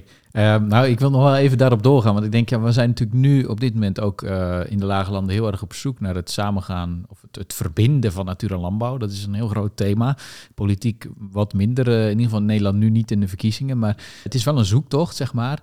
Het gevaar is natuurlijk dat we ook daarin weer terugvallen op die, eh, op die romantiek. Hebben jullie een idee hoe, hoe, dat, hoe dat kunnen voorkomen? Ik denk dat ehm, een deel van de oplossing vooral zit in niet, zozeer het gesprek hebben van vind je wolf leuk? Of hoeveel wolf moet het leven? Ik denk dat die vraag er helemaal niet te doen. Ik denk dat de mensen waarvan al weet, waarvan iedereen weet dat ze last kunnen hebben van wolven, dat je de vraag stelt, hoe kunnen we jou helpen? Wat heb jij nodig? Uh, ben je gelukkig? Uh, waar maak je je zorgen over? En die zorgen moet je dan ook serieus nemen en niet alleen nemen als, als politiek speerpunt uh, tijdens je verkiezingen. Maar daar moet je ook wat mee doen. En ik vind juist dat Vlaanderen eigenlijk uh, voor Nederland nu het gidsland is van in hoe dat moet. Mm -hmm. Je hebt daar een geweldige groep, uh, die heet Wolf Fencing Team Belgium, um, die gewoon bottom-up de boeren af zijn gegaan van, joh, wij willen jou helpen. Wij helpen jou met een subsidieaanvraag indienen. Wij helpen jou met een noodraster binnen 24 uur nadat jij schade hebt gehad. We helpen jou met het advies van, jij hebt een dit type bedrijf, dit type land, dit type gebruik, dit type dieren. Wat past bij jou, ook jou persoonlijk? En we helpen je dat neer te zetten en te onderhouden. Dat werkt als een trein. De, de Vlaamse overheid uh, helpt dit nu ook faciliteren, in de financiële zin ook. Het wordt ondersteund door Natuurpunt en uh, vogel... Of uh, weer een, ja, WWF Belgium, ja. WWF Belgium en Natuurpunt. Um, en ja, zij gaven vorig jaar al aan in een presentatie dat in dat leefgebied van dat territorium Wolven, wat uh, in het noord van Limburg zit, Belgisch Limburg, dat zij 70% van de dierhouders hebben geholpen. Ja, dat, dat is, is, een, dat is een getal waarvan wij nog kunnen dromen. Er zijn ja. laatst cijfers naar buiten gegaan vanuit de wolvencommissies die door de provincies worden aangesteld in, in Nederland. En dan ging het in Drenthe volgens mij om 3% en op de Veluwe over 5%. Ja. En dan komt Vlaanderen aandenderen met 70% vanuit gewoon een, een vrijwilligersinitiatief, geïnitieerd door twee natuurorganisaties. Ja, dan, dan zie je eigenlijk dat um, het. En het, misschien vinden sommige mensen de wolf dan het, het summen van het natuurbeleid. Ik denk dat dat twee volstrekt verschillende dingen zijn. Ik denk wel van natuurwetgeving, maar niet van het beleid. Um, ik denk dat ons beleid tekort schiet. Je ziet vooral als we maar plannetjes maken, dan komt het goed toch? Ja. um, en die wolf die houdt zich ook niet aan die plannetjes. Um, het, en ook met die plannetjes doe je dan goed. Uh, wanneer je zoveel gevoel en emotie bij mensen hebt, zoveel zorgen en ook gewoon economische belangen, uh, wat ook meespeelt, maar ook gewoon wat kom jij ochtends in je vel tegen? Word jij gerustgesteld door een nieuw protocolletje of plannetje? Denk ik denk het niet. Ik denk dat je echt aan die keukentafel moet gaan zitten en dat je goed gesprek moet hebben en de hand moet reiken, zoals Volfencing Team Belgium heeft gedaan. Ja, voor de mensen die dat interessant vinden, in aflevering 24 van deze podcast uh, heb ik ook gesproken met uh, Diemer Verkayi. En uh, die is een van de twee of drie mensen die bij dat initiatief een coördinerende rol heeft. Dus dat is ook wel interessant om ook even dat perspectief van Diemer daarbij te horen. Je noemde net al even al die, die documenten die, die, die opgesteld worden. Welke functie hebben die volgens jou? Ja, dat is moeilijk te zeggen. Dat moet je natuurlijk aan de auteurs vragen. Er worden heel veel mooie doelen in beschreven. En ik denk dat het een beetje een gevoel voor controle geeft. Als we maar plannen en protocollen maken, dan wanneer er iets gebeurt, hebben we in ieder geval een, een handvat om uh, te handelen. Um, maar in perspectief van ons gesprek is dat wel een beetje misplaatst gevoel van controle, toch? Omdat we eerder al geconcludeerd hebben dat wolven eigenlijk zich daar niet zo heel veel van aantrekken. Nee, qua gedragsecologie kunnen we heel veel situaties voorspellen. Uh, maar dat betekent niet dat het beleid daar altijd op uh, aansluit. Een paar voorbeelden is natuurlijk, we hebben uh, een wolf gehad die van, uiteindelijk België en Vlaanderen of, uh, en België en Frankrijk heeft aangedaan. Maar die heeft twee weken lang in de buurt van Heusden behoorlijk stampij gemaakt met heel veel aanvallen op schapen. Die is later in Vlaanderen is die Billy genoemd, uh, heeft daar nog meer stampij gemaakt en is in Frankrijk uiteindelijk afgeschoten. Uh, maar dan zie je dat uh, provincie Brabant volkomen verrast was over de komst van deze wolf. En dan gaven ze aan van ja, we hadden verwacht dat eerst Gelderland wel aan de beurt zou zijn en niet wij. ja, dus, alsof ze een loodjes trekken, hè, die wolven. Ja. Echt, ja, precies. Echt dat planmatig. Eerst is Gelderland en dan pas mag je doorlopen. Dat, dat vond ik zo bijzonder. Ik, ik, ik zat daar als, als ecoloog, waarvan wij al jaren aangeven van die wolf gaat er aankomen, die kan overal naartoe gaan. Eerst Gelderland was aan de beurt, niet wij. Dus dat was wel heel bijzonder. Um, en we hebben vorige week nog zorgen vanuit boswachters uh, gehad van Staatsbosbeheer in Drenthe. Dat een wolvenwelp die gewoon op een weiland overdag muizen aan het jagen was, zijn fenomenale beelden.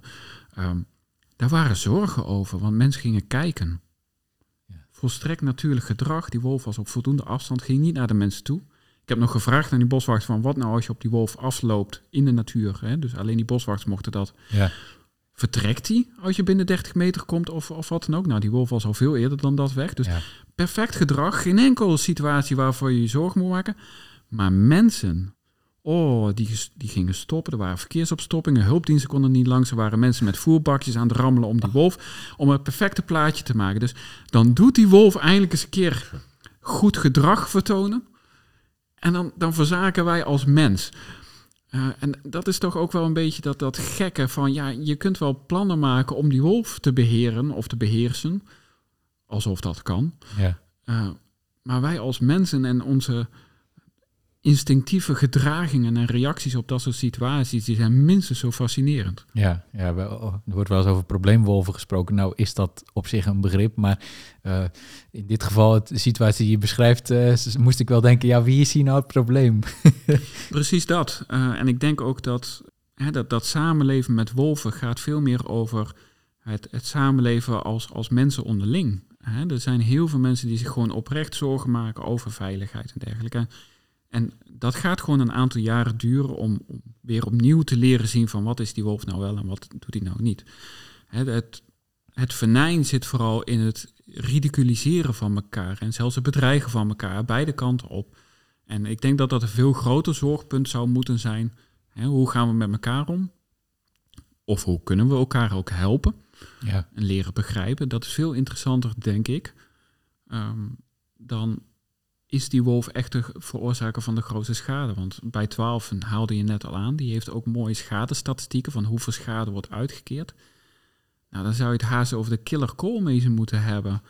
Um, meer dan een miljoen fruitschade per jaar wordt uitgekeerd door de overheden, terwijl het bij wolven echt vele malen minder is. Die stond zelfs niet in de top 10 aan meest schade veroorzakende diersoorten.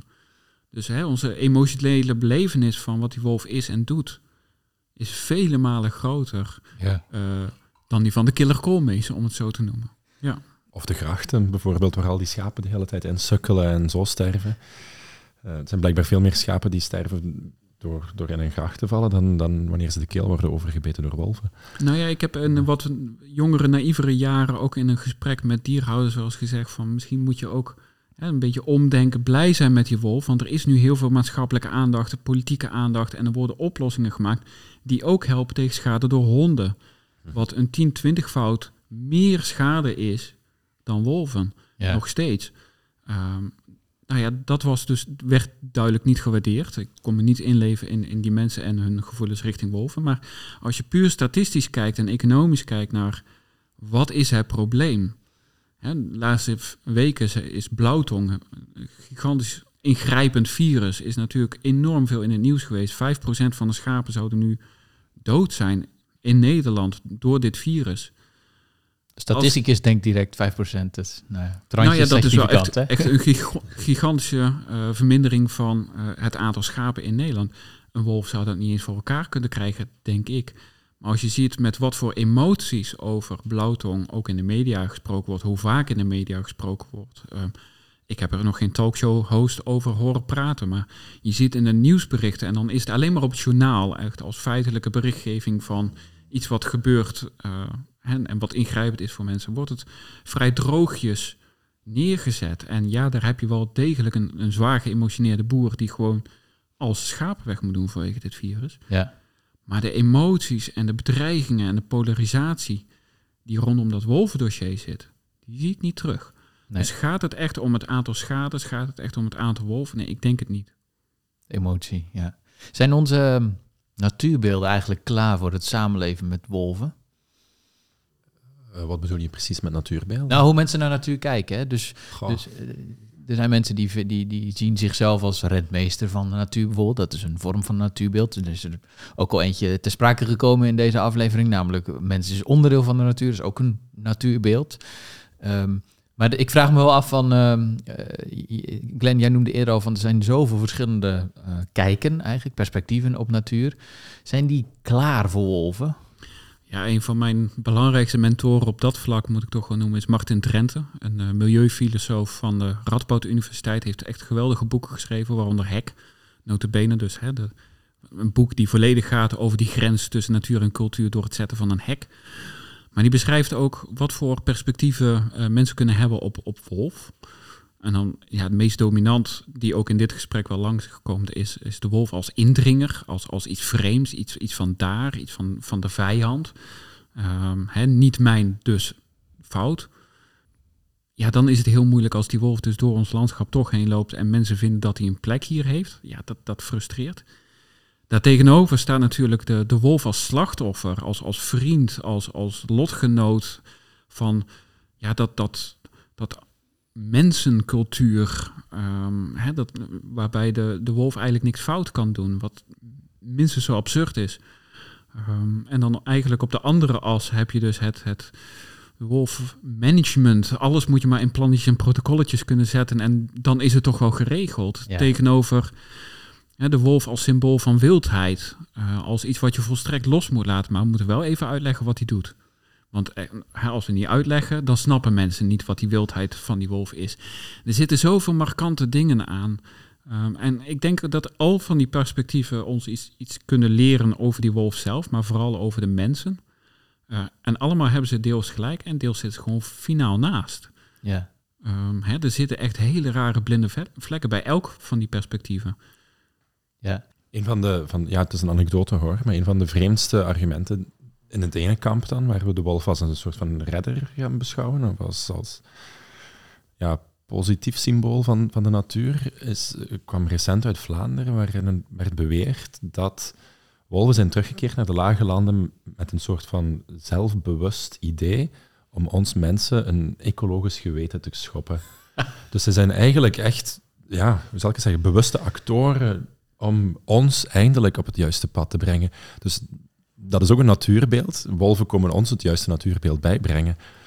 Eh, dus het is een, een argument waar ik verder nergens ben tegengekomen, dus ik vond het een beetje vreemd. Maar op zich denk ik dat het de vraag, zijn onze natuurbeelden er klaar voor, ook wel van zodra je ze stelt een beetje achterhaald is, want de wolven zijn al een realiteit. Er is een heel mooi klein jachtmuseumpje in Frankrijk, waar je nogal interactief kunt... Er staat een groot scherm, daar staat, bent u klaar voor de wolf? Ja. Ondertussen zaten daar al wolven rond dat museum voor de voorbije 15 jaar. Dus eh, het is een vraag die je nog kan stellen, maar ja, ondertussen zitten ze al quasi in je blikveld. Ja. Ja. Wat ik ook wel heel interessant vind, is dat wij nu in, in Nederland ook wel eens hebben gezien van het overkwam ons. Hè, dus dat, dat gevoel van eh, we zagen het niet aankomen. Terwijl al tien jaar lang werd gecommuniceerd vanuit het samenwerkingsverband Wolven in Nederland van die wolven gaan komen. Ja, maar we waren er niet klaar voor. We wisten het niet. En als je dan kijkt naar hoe de gemiddelde Hollander op vakantie gaat, dan, dan zijn er toch wel hele mooie gebieden in, in Frankrijk, in Spanje, in Italië, in de Alpen. En als je dan gaat kijken naar waar ze dan heen gaan, ja, mooie natuurgebieden. Maar in die natuurgebieden zaten gewoon wolven. We- Ja. We, we zetten ons tentje op een kampeertrein midden in wolvengebied elke zomer, Ja. zonder dat het een probleem is. En wanneer die wolf één teen over de grens heeft gezet in Drenthe, kregen wij een belletje van iemand uit de Betuwe die haar deur niet uit durfde te komen, want die wolf liep daar. Dus het gaat wel heel ver in. Wat is je perceptie van wat die wolf allemaal kan zijn. Terwijl wanneer we op vakantie zijn, dan vinden we het ook hartstikke romantisch als er een enorme schaapskudde op de weg staat en je moet even wachten. Maar hè, het hoort bij, bij, bij dit landschap en, en hè, we zijn er lekker op uit en het is een avontuur. Maar ik denk als zo'n schaapskudde in Nederland op de weg zou staan, dan is het op de 8 uur journaal. Dus ook hè, de, de, de context waarin je op dat moment bent en met welke mindset je op dat moment uh, gewoon met je leven bezig bent, Ja, je maakt heel veel uit. ja. ja het gaat dus heel erg over onszelf ook. Je Ja. zit daar ook met een ander spanningsveld, denk ik. En dat is, dat is toerisme. Of het pastorale versus de wildernis. Want als je naar de Alpen gaat of naar de Pyreneeën, heb je daar ook een beeld van, van een, een landbouwgemeenschap die heel erg traditioneel lijkt. Die ook zo in stand is gehouden door Europese subsidies. Eh, waar, de, waar de koeien grote koebellen dragen en, en waar je eigenlijk ja, een soort pastoraal ideaalbeeld krijgt voorgeschoteld als toerist. Daar zitten dan plots wolven. Dus die, die mensen die dat pastorale beeld, toeristische, lucratief, toeristisch lucratieve beeld moeten onderhouden, worden plots wel geconfronteerd met iets wat volgens sommigen net deel moet uitmaken van dat natuurbeeld, maar volgens anderen ook wel in, in compleet contrast staat. En dan heb je die toeristen die daar met hun tentjes inderdaad gaan tussen zitten en zeggen van, ja, ik wil zowel de koebellen zien en ik wil ook wel af en toe eens een wolf zien voorbij komen, want dat is ook wel een beetje spannend. Ja. Ja. En dat is heel, ja, dat is heel moeilijk. Ook in, in, in Noord-Limburg bij ons, in Vlaanderen, zie je tegenwoordig dat eh, bed and breakfasts hun, hun, ehm, ja, hun infrastructuur zo hebben aangepast dat je vanuit de slaapkamer, als je een beetje geluk hebt, een wolf kan spotten. En dat gaat op sommige plekken zo ver dat B&B-houders dus eh, ja, de facto gaan voederen. En dan zit je met een heel ander probleem, want dan maak je wolven eigenlijk tam. Ja. Of in ieder geval niet langer schuw. En dan worden ze probleemwolven en dan mag je er natuurlijk iets aan doen. Bestaan daar al protocolletjes voor in We Vlaanderen? zijn er mee bezig. Er is een nieuwe commissie. ja, oké.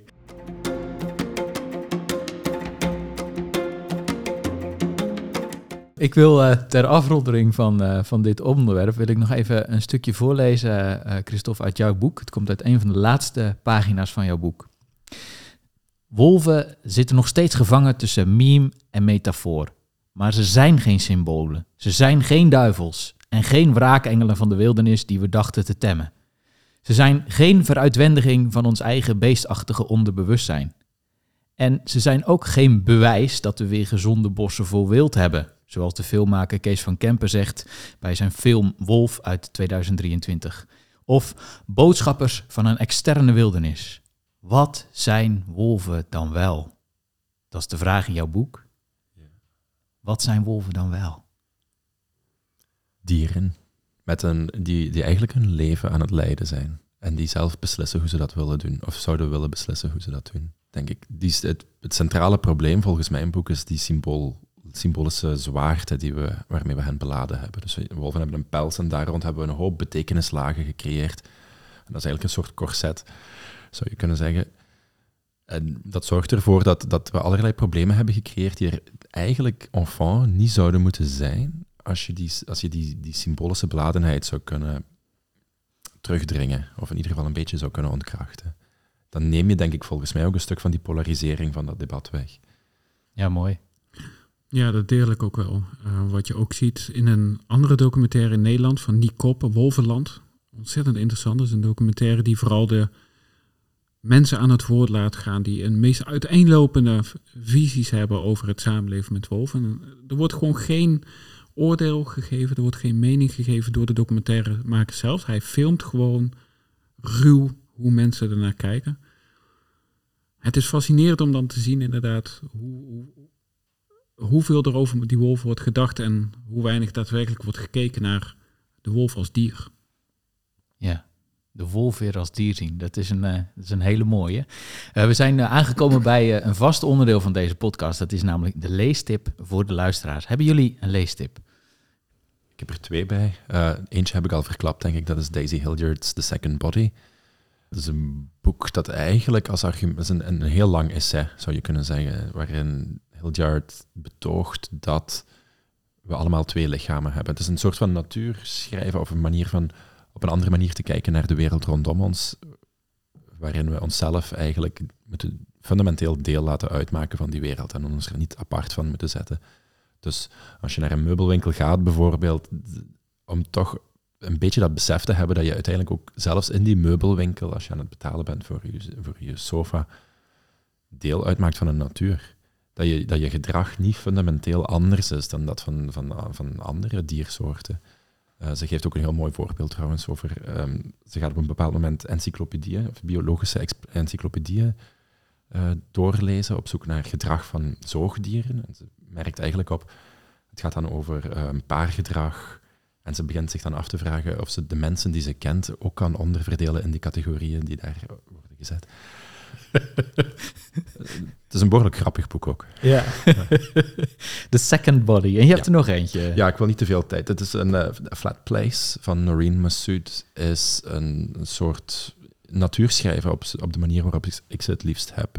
Het is een soort memoire van alle vlakke landschappen die de schrijfster tegenkomt in Groot-Brittannië.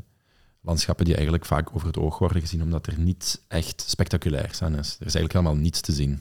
En voor haar brengt dat een soort van mentale rust. Maar ze zegt ook wel dat dat landschappen zijn waarin um, vaak ook een heel zware symbolische beladenheid zit. En die eigenlijk maar bestaan omwille van allerlei menselijke ingrepen. En dat we die nu terug aan het verheerlijken zijn voor een stuk als een soort van puur, puur landschap. En dat je eigenlijk onder die betekenislagen ook allerlei trauma's kan vinden van de omgang van mensen met natuur. Mooi. A Flat Place. We zetten de titels eh, van deze leestips ook in de beschrijving van de podcastaflevering. Glenn, wat is jouw leestip? Ja, jij vraagt om één, dus ik neem er twee. Heel goed, ja, dat dacht ik al. Um, ik memoreerde net al dat we als mensen dus echt waardeloos zijn in, in natuur zien. Heel veel gaat gewoon aan ons voorbij. Maar een van de grondleggers van een, een toch al een vak, sporen zoeken, is, is Annemarie van Diepenbeek geweest. En zij heeft een geweldige veldgids diersporen van uh, Europa geschreven. En als je daar een beetje vaardig in wordt, dan gaat er echt een hele wereld voor je open in, in wat voor sporen dieren allemaal toch zichtbaar ook in je landschap achterlaten. En dan zie je eigenlijk hoe veel je had gemist en, en hoeveel er toch gebeurt in je nabije omgeving. Dus dat is echt een, een, een vak. En ze heeft een geweldig goed leesbare, goed bruikbare veldgids geschreven. Veldgids Diersporen Europa.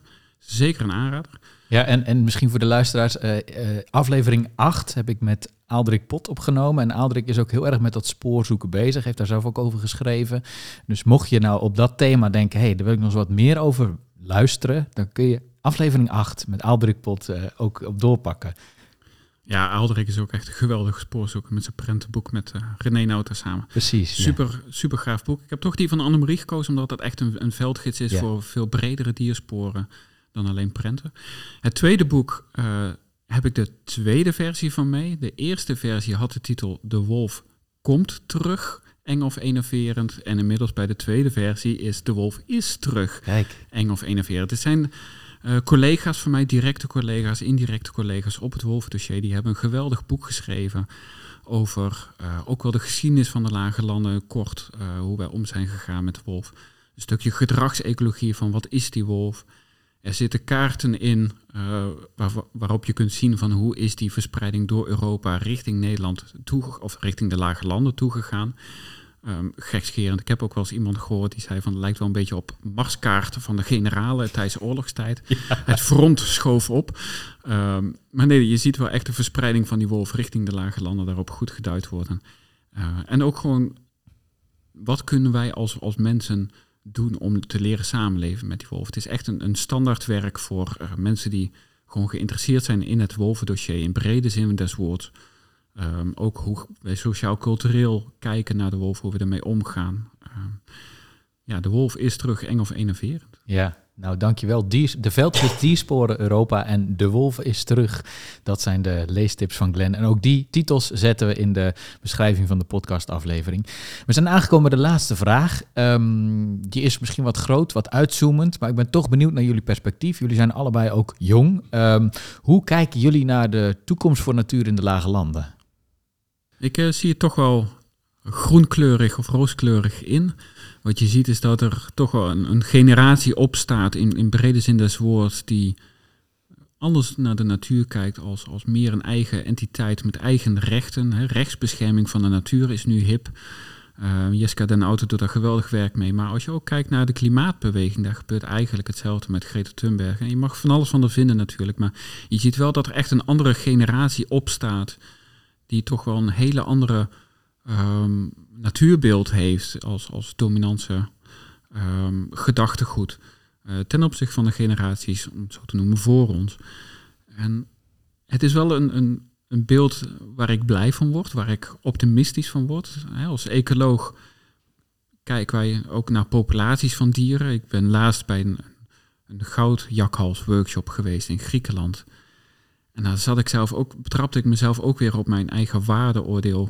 Um, de, de, collega's uit Hongarije zaten te presenteren dat ze daar 21.000 goudjakhalzen per jaar afschieten. Maar de populatie is stabiel en groeit zelfs. Ja, als, als ecoloog zit ik dan van, wat gebeurt hier? Ja. Uh, maar het is positief. En mijn, mijn waardeoordeel is van, dit moet je niet eens willen. Waarom doe je dit? Wat, hoezo is dit doelmatig? Welk probleem los je hierop? En dat is meer hè, dat, dat intrinsieke waarde van de natuur erkennen. En dat is nu echt opkomend. Um, hè, dat je niet zomaar jouw wil als mens oplegt aan de natuur, maar dat je meer toch in een vorm van coexistentie gaat. En als je dan iets doet, dat je goed overweegt van waarom doe ik dit? Waarom is dit nodig? Als het niet nodig is, kunnen we het dan ook laten? Ik denk dat dat echt een, een ja, ook in de filosofie, in de menselijke cultuur al doordrongen is. Hè? Gij zult niet doden, uh, ja. heb uw naaste uh, lief. lief ja. Noem maar op, dat, dat hebben we tussen mensen hebben we dat al heel sterk. Maar ik merk dat die band richting de natuur ver achter is gebleven. En ik zie juist in die laatste decennia, misschien ook wel de laatste honderd jaar, met de opkomst van de natuurbescherming, daar toch echt stappen ingezet worden in dat, dat, dat de cultuur verandert vanuit West-Europa in ieder geval. Ehm, richting toch wel meer samenleven met natuur. Er zijn natuurlijk culturen in de wereld waar dat normaal is. In het Hindustaanse leven is dit het normaal. India is een land die nog iets minder dicht bevolkt is dan Nederland. Wij leven met meer mensen per vierkante kilometer dan India. Maar even goed, daar leven krokodillen, daar leven olifanten, daar leven tijgers, daar leven ook wolven, goudjakkals, noem maar op. Allemaal dieren die echt niet simpel zijn om mee samen te leven. Maar India laat wel zien dat het kan. Dat je als cultuur kunt zeggen, met ook meer dan een miljard mensen tegelijk, van dit is onze norm en dit is onze waarde die natuur heeft daar een belangrijke plek in. Ook religieus natuurlijk, maar ook gewoon in de normen en waarden zijn die echt verankerd. En ik denk dat we eindelijk weer die kant op gaan. Ja. Christophe, hoe is dat voor jou? Ja, ik ga dat voornamelijk beamen, denk ik. Het is inderdaad wat je zegt. Hè. Het is, ik, ik zie... Dat is, dat, is dat is, misschien net iets recenter dan de voorbije honderd jaar, maar in de laatste generatie of zo zie ik een, een beweging naar kennisvergroting en kennisverbreding en verdieping ook ook bij mijn eigen generatie. En dan gaat het niet alleen zozeer over aandacht voor um, natuur, maar wat je zelf ook al aanhaalde, aandacht voor andere culturen en de manier waarop andere culturen omgaan met natuur. Um, denk dan ook aan de, de Noord-Amerikaanse uh, bevolking, de, stammen. Um, dat zijn ideeën, daar worden veel ideeën uitgesproken. Dat zijn dingen die heel erg inspireren. Er is ook veel meer aandacht voor op een manier die niet zozeer uh, kolonialistisch is, zou je kunnen zeggen. Of er zit een soort postkoloniale uh, mentaliteit achter, die meer vanzelfsprekend aan het worden is. Dus je gaat andere culturen die op een fundamenteel andere manier met de natuur omgaan, niet meteen stiefmoederlijk gaan behandelen. Je ziet dat ook in een... Misschien ligt dat aan mijn bubbel, hè? dat kan ook natuurlijk. Maar ik zie heel veel mensen een veel meer interesse tonen dan pakweg tien jaar geleden in uh, kennis voor planten. In de manier waarop planten in, ja, in onze geschiedenis zijn gebruikt ook. En gewoon wat hun namen zijn. In het boek van Robert McFarlane over The Lost, Word, The Lost Words. Oh ja, ja. Dat is een boek dat uh, in, in, de streek waar ik woon, dat, dat ligt in alle scholen. Oh. Uh, dat, is heel, dat vind ik heel mooi om te zien. Dat vind ik heel bemoedigend, omdat je dan vertrekt vanuit een educatief kennisstandpunt en vaak lijkt me dat toch een eerste stap richting empathie en een, een andere manier van leren denken. Zeker, ik denk dat dat, uh, dat het geval is. Ja, Als je de dingen kan benoemen, ja. daar, zit, daar zit heel veel kracht in. Ja. Ja, want je ziet het ook als je het. Nou, je ziet het al in mens, menselijke relaties onderling. Als, als, als, als, als Ja. dat een gezicht krijgt en een naam, dan, wordt, dan worden ook heel eh, eh, gepolariseerde debatten opeens vloeibaar. En dan zie je, oh wacht, we kunnen wel schuiven in mening. Want er zit een gezicht achter. Ja, als je dichterbij komt, is plots is die grens vloe. Hè? Ja. Dus het, ja, het is een heel korte anekdote nog van Aldo Leopold. Dat is een 20e eeuwse wetenschapper in Amerika die zelf wolvenjachten organiseerde of jachtpartij organiseerde. En op een bepaald moment oog in oog komt te staan met een stervende wolvin. En hij, beschrijft zoiets als het, groene woeste vuur in haar ogen dat hij ziet sterven. En daar, daar ehm die hele grens tussen cultuur en natuur plots voor Leopold zelf. Eh, hij wordt plots een wolvenbeschermer. Het is gedaan met die jachtpartijen. Hij ziet een soort van verwantschap eigenlijk. Hè? En hij, hij merkt op dat die grens die we hebben getrokken artificieel is. Ja. Nou, dat is een hele mooie eh, anekdote om eh, deze aflevering eh, mee af te sluiten. Laten we de natuur in de ogen kijken, want dat doet enorm veel met hoe wij naar, naar die natuur kijken. En jullie putten daar beide ook hoop uit dat je ziet dat steeds meer mensen dat, dat ook gaan doen. Ik wil jullie heel hartelijk bedanken, Christophe Smeijers en Glenn Lelyveld. Dank je wel. Heel graag gedaan. Dankjewel.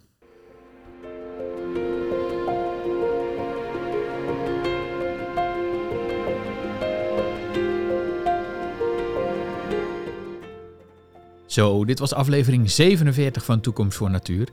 Ik heb nog een leuk bericht voor jou als luisteraar, want uitgeverij Edsberg heeft twee exemplaren van het boek Wolf van Christophe ter beschikking gesteld, speciaal voor de luisteraars van Toekomst voor Natuur. Wil je nou kans maken op een van die twee exemplaren? Stuur ons dan uiterlijk 14 december 2023 een mailtje toekomstvoornatuur@vlinderstichting.nl en zet in dat mailtje ook even je naam en je adres. En dan maken we in de volgende aflevering twee gelukkige winnaars eh, bekend van dat boek Wolf van eh, Christophe. Laat ons vooral ook weten wat je van deze aflevering vond. Je kunt dat doen op sociale media. We zitten op eh, X en op Instagram. Je kunt ook een mailtje sturen naar dat eh, bekende mailadres toekomstvoornatuur.vlinderstichting.nl. En nou, we vinden het best leuk om een luisteraarspost te krijgen. En daarover gesproken trouwens, op 6 januari 2024 verschijnt alweer de 50ste aflevering van Toekomst voor Natuur. En dat willen we niet ongemerkt voorbij laten gaan. En we kunnen ook jouw hulp als luisteraar daarbij eh, goed gebruiken. Want die aflevering, die 50ste aflevering, die staat namelijk in het teken van de vraag: hoe houd je eigenlijk hoop als natuurliefhebber? En ik ben heel benieuwd hoe dat voor jou als luisteraar van deze podcast, eh, hoe dat is. Hoe houd jij hoop in deze tijden van ja, biodiversiteitscrisis? Er komt nogal wat op ons af. Laat dat ons weten. En dat kun je doen door een mailtje te sturen. Alweer naar dat mailadres toekomstvoornatuur.vlinderstichting.nl En eh, we vinden het ook best leuk als je een, eh, een spraakbericht naar ons toestuurt. Waarin je dus uitlegt hoe jij hoop houdt in deze tijden als natuurliefhebber. En eh, dat spraakbericht dat kun je dan ook naar ons mailen naar toekomstvoornatuur.vlinderstichting.nl We gaan in ieder geval in die aflevering met een expert op het gebied van eh, mens- en natuurrelaties gaan, we, gaan we spreken. En dat is Rian van der Borren. En dan gaan we jullie reacties, en misschien heb je ook wel een vraag aan Rian, gaan we, gaan we dan bespreken. En Rian kan heel goed achtergrond en context geven eh, vanuit het onderzoek wat zij doet aan mens- en natuurrelaties. Dus ja, ik denk dat belooft weer een, eh, een hele mooie aflevering te worden. Wil je nou een reactie sturen? Of dat nou een uitgeschreven mailtje is of een spraakbericht, doe dat uiterlijk 19 december 2023 aan ons. Toekomstvoornatuur.vlinderstichting.nl. Dan kunnen we het ook meenemen bij de opname van deze aflevering. Nou, dat was eh, een heel verhaal. Eh, dan heb ik nog één laatste mededeling. En die gaat natuurlijk over de volgende aflevering. En ook daar goed nieuws, want die volgende aflevering die verschijnt alweer over één week. En dat is namelijk op eh, 16 december. Dus dit is een ex- extra aflevering van Toekomst voor Natuur. En die nieuwste aflevering voor 16 december, die staat in het teken van de kanon van de Nederlandse natuur. Daar gaan we over debatteren met de auteur van dat boek, Dick de Vos. En ook iemand die eh, ja, een ander idee heeft bij de selectie van de kanon van de Nederlandse natuur. En dat is Paul Beuk. En Paul eh, werkt voor het Natuurhistorisch Museum in Maastricht. Dus ja, ook dat belooft weer een, eh, een hele mooie aflevering te worden. Dus ik zou zeggen, tot de volgende.